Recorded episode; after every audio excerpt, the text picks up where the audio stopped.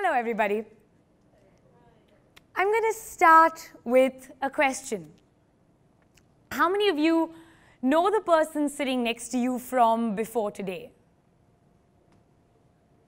Interesting. So, do you remember the first conversation you ever had with that person? You know, conversations are links, okay? Let's imagine every conversation to be a tiny metal link. And every time you talk to a stranger, a metal link is formed. And every conversation that you have after that moment, the link gets stronger and stronger. And every day, each one of us meets so many strangers the grocery guy, the cab guy, maybe the receptionist at a new office you went to. And with every conversation, we build new links. Until finally, at the end, we've created a kind of massive worldwide web of conversation. World Wide Web. It's a catchy word. I think I've heard that somewhere. That's it, right? A conversation. It's a fascinating thing. A conversation is an adventure. A conversation gives you a whole new perspective. A conversation opens a door. Now, conversations can make war, and conversations can make peace. And conversations define who we are as a human race. And think about this every single person in your life was once a stranger to you, and you knew nothing about them until you had that first conversation. So I'm here today to tell you to talk to strangers and to have a conversation. And I'm here to tell you how. Seven ways that you can make a conversation with almost anyone. I'm a radio presenter and I love talking to people. I do, I love it. And I'm so glad that I do it for a living. Here's what my day is like, right? Every single morning I go into an empty room and I put on a mic and I have a conversation with 1.6 million people that I can't see. Yeah. you know what the hardest part is though? It's time. In a four hour show, I get 20 minutes. That's all the talk there is. And in 20 minutes, I have to convince you that I am your best friend. How do I do that? How do I establish a connection? I have 20 minutes to inform you, to excite you, to engage with you. But most importantly, 20 out of the 20 times that I switch on that mic, I have to leave a smile on your face. Except I can't see you, I know nothing about you, and I have no way of gauging your reactions. How do you do it? How do you talk to a stranger? well, my nine years in radio have taught me these simple little tricks. strangers, they are everywhere. And we've always been told, don't talk to strangers. But I beg to differ. Every stranger comes with an opportunity, an opportunity to learn something new, an opportunity to have an experience you've never had, or hear a story that you've never heard before. And you've had that moment, right? you're in the room with someone you don't know and you look across the room, you see a stranger and you think, I want to talk to this person. And you can almost hear the first word, but it just won't come out. It kind of gets stuck about here. It kind of goes up and down, and you don't know. You know what? Here's my advice just say it. What's the worst that can happen? They won't talk to you? Well, they're not talking to you now the first word, floodgates. I truly believe that the first word acts as a floodgate. You know, once you said the first word, everything else just flows. So keep it simple. A hi, a hey, a hello. And do what every good bowler does. Just gather the enthusiasm, the positivity, the energy, put on a big smile and say, hi, I know, there's going to be that strange moment right now. Turn to someone sitting next to you, stick your hand out and say hello. Go on.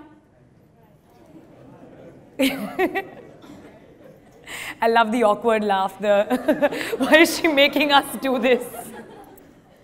the first word, floodgates. You know, here's a challenge we face every day. Time. We have 90 seconds on radio and we have to make that conversation with a stranger memorable. So how do you do it? What's the biggest challenge? Honestly, if we get stuck in the rut of, hi, hey, how are you?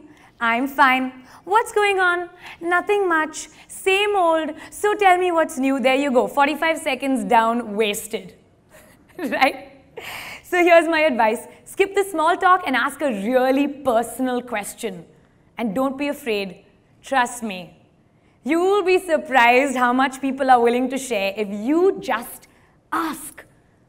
So ask any kind of personal question. Maybe, um, interesting name. How did your parents think of it? Is there a story behind it? Or how long have you lived in this city? And do you remember the first day you landed here? You see, answers to those questions are always something unique, always something personal. My favorite one to try is, where do you come from and where does your family live? Unfailingly, every single time I sit in a cab, I do this. I ask that question. Where do you come from and where does your family live? Let me tell you a little story. I was coming home one night and um, I get into this taxi, open the door, sit down. I say, Where are you from? Where does your family live? And the 60 year old Pakistani cab driver goes on to tell me all about his life in Peshawar. We talk about politics, we talk about music, family, his wife, his farm. And 20 minutes later, he is convinced that I am the perfect bride for his 26 year old college educated son from Peshawar. And as I'm getting out of the taxi, he's taking out a passport sized photograph with this look of enthusiasm. I have to say, it was a very difficult goodbye. But the moral of the story really is what starts with a hello can end with a marriage proposal, and that is a warning. Step three find the me too's. Have you ever met someone who starts a conversation like they're starting a debate? I'm from Delhi. I hate Delhi. Yeah, nothing kills a conversation like a negative. When you meet someone for the first time, make an effort to find the one thing that you and that other person might have in common. When you start at that point and then move outward from there, you will find that all of a sudden the conversation becomes a lot easier. And that's because the both of you are suddenly on the same side of something. And that's a really powerful feeling. Now, what could you possibly have in common with a stranger, you ask? It could be anything, right? You're both in the same place at the same time. Maybe you're from the same country. Maybe you both like the winter or you're longing for it to rain. I don't know, you'll find something. When you find me too, you automatically have a kind of buy in from the other person. Trust me, that's helpful. Pay a unique compliment. I read somewhere that people will forget what you do and they'll forget what you say, but they will never forget how you made them feel. So be generous and go out and give someone a nice, full compliment. So I have this belief about a compliment immunity meter, and it comes from this experience I had where I met this gorgeous supermodel, right? And I look at her and I say, wow, you're beautiful and there is no reaction on her face. And I think to myself, how? That's when I realized she is immune to the word beautiful.